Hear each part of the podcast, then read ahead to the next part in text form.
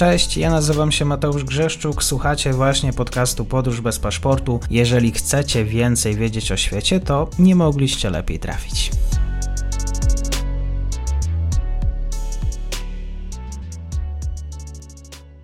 Partnerem odcinka jest Oanda, TMS Brokers, dom maklerski obecny na rynku już od ponad 20 lat. W opisie odcinka znajdziecie link do aplikacji, której możecie otworzyć konto maklerskie i grać na giełdzie, a wcześniej potrenować na koncie demonstracyjnym. Jeżeli otworzycie konto za pośrednictwem tego linku, dostaniecie na start książkę o tematyce inwestycyjnej. Zapraszam, Mateusz. Dzień dobry Państwu, dzień dobry wszystkim słuchaczom. Dzisiaj już po dłuższej przerwie, dlatego bardzo się cieszę na dzisiejsze spotkanie. Pan profesor Marko Babić ze Uniwersytetu Warszawskiego. Dzień dobry Panie Profesorze. Dzień dobry, bardzo się cieszę, że znów y, jestem w Pana programie. Ostatnio rozmawialiśmy o kwestiach, to nasze spotkanie, o ile dobrze pamiętam, McDonald y, zdominował. Dzisiaj będziemy rozmawiać trochę o lokalnej geopolityce, o Serbii konkretnie, y, o tym ciekawe wieści, bo amerykańskie dokumenty wywiadowcze, nie wiadomo to już niezależnie od tego, czy to są informacje prawdziwe, bo i tam są, to jest mieszanka powiedzmy faktów, później informacji wyssanych z palca, ale no, z tych dokumentów, które wyciekły do sieci, dowiadujemy się no, ciekawych rzeczy również dotyczących Serbii. Serbia, która no, była blisko, przynajmniej tak nam się wszystkim wydawało, e, Moskwy, Rosji, w jakiś sposób zgodziła się na przekazanie broni Ukrainie. Jak właściwie odnosić się do tych, do tych wieści?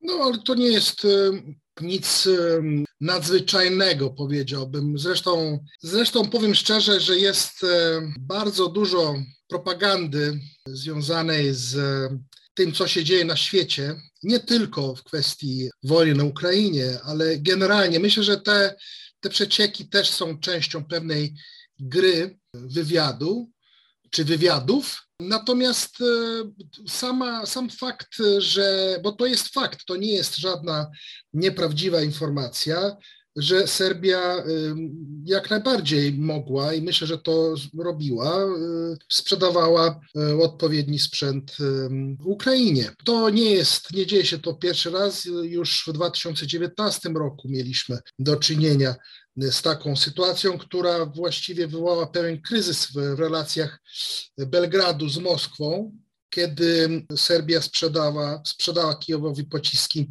młodzieżowe z, z własnej fabryki Kruszyk. To tylko się mieści w, w, tym, w takiej mozaice, powiedziałbym, serbskiej polityki zagranicznej. Serbska polityka zagraniczna jest wielowektorowa, przynajmniej tak Belgrad chciałby kształtować y, własną politykę zagraniczną, to znaczy próbować y, utrzymywać y, dobre stosunki z wieloma partnerami. Oczywiście otwartym pytaniem od samego początku było, czy dla państwa, które nie jest ani gospodarczo silnym państwem, ani jakimś e, bardzo silnym graczem geopolitycznym, nawet w regionie, czy taka polityka na dłuższą metę jest, czy będzie skuteczna. I to pytanie pozostaje aktualne. Natomiast nie zmienia to faktu, że Belgrad nadal próbuje próbuje grać właśnie w taką, w taką grę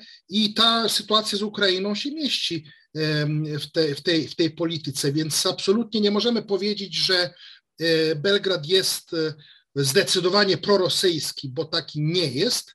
Z drugiej strony, czy jest zdecydowanie pronatowski, też takim nie jest. Więc wydaje mi się, że powinniśmy zacząć od początku. Generalnie trzeba stwierdzić, że serbską politykę zagraniczną definiuje taki, powiedziałbym, podstawowy dylemat dotyczący kształtu państwa. I to, to świadczy o pewnej, charakter, pewnej specyfice państwa serbskiego na Bałkanach, ponieważ y, z jednej strony pozostaje otwarta kwestia niepodległości Kosowa, z drugiej strony rola Belgradu w związku z Serbami w Bośni i Hercegowinie, a także generalnie stosunek, stosunek e, Serbii do, do, państw, do państw Zachodu. I po tym, i w tym, w, tej, w tym kontekście trzeba powiedzieć, że nawet polityka wewnętrzna jest podzielona, bo mamy tutaj wyraźnie dwie, dwie koncepcje, prawda? Dwie koncepcje budowy budowy państwa i w związku z tym prowadzenia polityki zagranicznej, o ile się da skutecznej. Bo z jednej strony mamy niewątpliwie podjęcie czy podejmowanie, bo to jest proces starań na rzecz integracji z Unią Europejską, co oczywiście za sobą pociąga głębokie, czy konieczność głębokich zmian czy reform prawno-instytucjonalnych. Natomiast tutaj jest ten warunek e, jakiegoś takiego ułożenia, bo to jest takie, jest takie e, bardzo popularne słowo normalizacja, prawda? Normalizacji stosunków z Prysztyną. Czy docelowo łączy się to z uznaniem niepodległości Kosowa? No chyba tak. Więc to jest jakby jedna, jedna, koncepcja, z jedna koncepcja z konsekwencjami, ale a z drugiej strony i to też jest dość silny nurt w polityce wewnętrznej Serbii, po prostu zarzucenie wysiłków modernizacyjnych opartych na, na wzorcach, na, na wartościach, na, powiedziałbym, na aksjologii zachodniej i przyjęcie czy kontynuację takiego kursu balansowania między, między Zachodem, Rosją, Chinami, czekając na właściwy moment, kiedy dojdzie do pewnych radykalnych, tektonicznych, globalnych zmian, czy powiedzmy przewartościowań, i wówczas pojawi się szansa na reintegrację powiedzmy Kosowa, czy nawet przyłączenie Republiki Serbskiej, czy wzmocnienie relacji z Czarnogórą, ewentualnie z pewnymi częściami Macedonii i tak dalej, i tak dalej.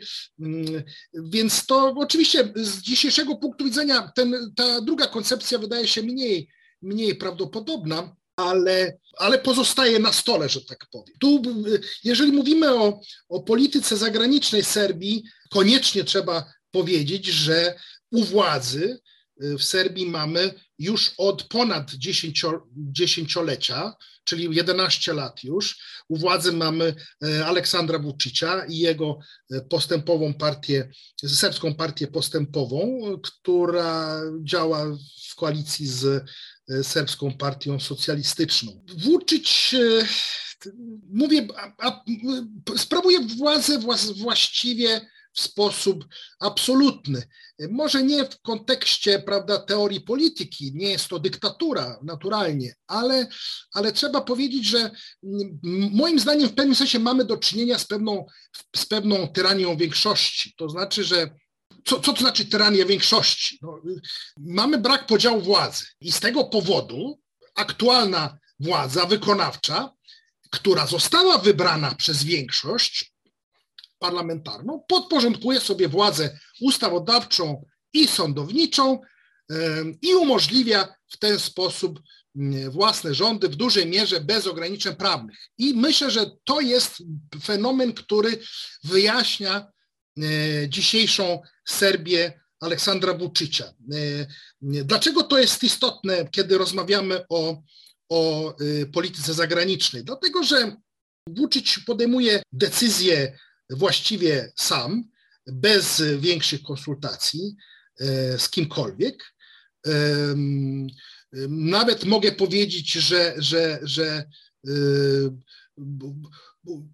zdefiniował na nowo praworządność, osiągnął swoją praworządność, ignorując autorytet procedury, czyli po prostu e, działa według własnego namysłu, co nie jest oczywiście, to, to nie jest dobre, jeżeli chodzi, nawet w, w, w, polityce wewnętrznej, prawda, w ogóle to nie jest dobre, jeżeli chodzi o budowanie, e, budowanie państwa demokratycznego. Niemniej jest to, jest to e, fakt, tak wygląda dzisiejsza Serbia Aleksandra Aleksandra Vučića.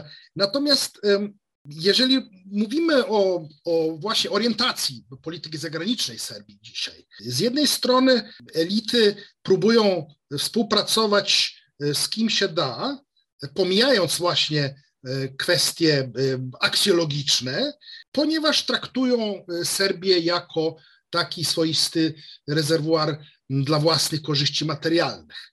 Z drugiej strony uważają, że relacja, szczególnie e, od roku, prawda, od, od inwazji Rosji na Ukrainę, że w, w stosunkach między, państwami nie są istotne wartości czy, czy jakieś normy, a raczej są wynikiem gry interesów prowadzonej przez największych graczy. I patrząc na politykę zagraniczną w ten sposób, no to wtedy, wtedy wcale nie dziwi, nie dziwią pewne ruchy, prawda, z państwa serbskiego pod wodzą Aleksandra Vučića, na przykład, że sprzedają, sprzedają e, broń na Ukrainę z jednej strony, nie wprowadzają, nie wprowadzają sankcji e, względem Rosji, to tylko pokazuje, że i, i, i nie tylko, bo Belgrad, Belgrad nie uznaje na przykład aneksji Krymu, nie uznaje niepodległości Donbasu czy, czy południowych regionów, południowo-wschodnich regionów Ukrainy, które Rosja zanektowała. Więc to tylko pokazuje, że, że Serbowie y, pozostają otwarci na, na możliwość podejmowania y, działania, że tak powiem, godzącego w interesy Moskwy. Y, także, także oczywiście pod warunkiem, że widzą pewne korzyści dla siebie. Także y, myślę, że tu polityka zagraniczna Serbii jest dobrym przykładem realizmu w polityce międzynarodowej, prawda? Realizmu e, w stosunkach międzynarodowych. Tak to, tak to, tak to widzę. Hmm? Zastanawiam się, panie profesorze, czy właściwie ta serbska polityka zagraniczna, te spojrzenie też na, na to ma jakiegoś ojca, czy właściwie w Serbii są tacy intelektualiści, którzy zajmują się tym, e, tym powiedzmy globalnym miejscem Serbii, czy to tylko są, czy jednak decydują tylko o tym politycy. Mowa to też o zapleczu właściwie takim, nazwijmy to, obecnego prezydenta. No oczywiście, że, że Vucic, ja, ja mówię o, o systemie, czy w ogóle o, o autorytecie procedury jako takiej, mm. prawda? bo ona jest podstawą funkcjonowania państwa demokratycznego. Więc tych procedur raczej nie ma. Natomiast oczywiście, że to nie jest tak, że Vucic się, prawda, budzi y, rano, wypija sobie kawę i mówi, a dzisiaj zrobię taki, a taki ruch. Oczywiście, że, że jest cały, cały zespół, który go wspiera w kontekście analitycznym i tak dalej, wiadomo, są think tanki w Serbii, które pracują, rządowe, które, które pracują dla, dla władzy. To jest, to, jest, no, to jest naturalne, zresztą każde państwo, każde poważne państwo ma, ma takie, takie zaplecze intelektualne oczywiście. Natomiast tutaj mówiłem o takim, o takim, pytanie jest, czy Włóczyć zawsze się słucha, prawda? Bo wiem na pewno z własnego doświadczenia, to znaczy z, z, z, rozmów z różnymi ludźmi w Serbii, że, że nie za bardzo się słucha. Czasem, zresztą może, mogę powiedzieć, że, że serbska polityka, zarówno wewnętrzna, jak i, jak i polityka zagraniczna od 30 lat podejmuje w większości złe decyzje więc e, to jest też, oczywiście to nie jest tylko kwestia Vučića, prawda, on, on jest u władzy dopiero od, od 10 lat, trochę, trochę ponad, mm, natomiast, e, natomiast e, no jest, jest to typ przywódcy, mm, który raczej uważa, że jest Mm, najbardziej kompetentny, by, by podejmować pewne decyzje. Oczywiście, mm, tak jak stwierdziłem, nie zawsze, nie zawsze y, tu chodzi o pewną improwizację, ale, y, ale często w momentach przełomowych y, sam po prostu się decyduje na podjęcie decyzji. Na, na, z drugiej strony popatrzmy projekt pod tytułem Open Balkans, prawda? Czyli szeroko pojęta współpraca gospodarcza między państwami regionu. Y, to jest oczywiście y, wynikiem y, pogłębionych analiz dość, dużej, dość dużego politycznego przygotowania tej koncepcji. Na razie do tej koncepcji przyłączyły się Albania i Macedonia Północna. Po zmianach władzy w Czarnogórze, prawdopodobnie Czarnogóra, myślę, że również docelowo jest prawdopodobne przyłączenie Bośni i Hercegowiny. To jest taki, prawda, mini Schengen bałkański. Więc tutaj oczywiście tutaj jak najbardziej mówimy o pewnej przemyślanej koncepcji. Także to jest taka mieszanka. Ja mówiłem oczywiście o Kiedy mówię o, o, o samodzielności, powiedzmy, podejmowaniu decyzji Vučića, tu mam na myśli przede wszystkim relacje dotyczące, znaczy generalnie problem dotyczący y, Kosowa, niepodległości Kosowa, czy uznania niepodległości przez Belgrad. Kosowa. Y, tu są bardzo mm, poważne zarzuty ze strony nie tylko partii opozycyjnych, ale również pewnych kręgów intelektualnych, że, że y, podejmował decyzje samodzielnie i, pod, i, i, właśnie popełnia błędy. Według y, tego mm, spojrzenia porozumienia brukselskie z 2013 roku były błędem na przykład, więc tak to, tak to wygląda. Bardzo dziękuję panie profesorze za dzisiejszy komentarz, za słowo właśnie o tej polityce w Serbii, zagranicznej również. Bardzo dziękuję, do usłyszenia. Dziękuję uprzejmie, kłaniam się. I to już koniec na dzisiaj. Zapraszam na profil podcastu Podróż bez paszportu na Facebooku, Instagramie i Twitterze. Zachęcam też do wsparcia mojej pracy na serwisie Patronite oraz Buy Coffee. Do usłyszenia.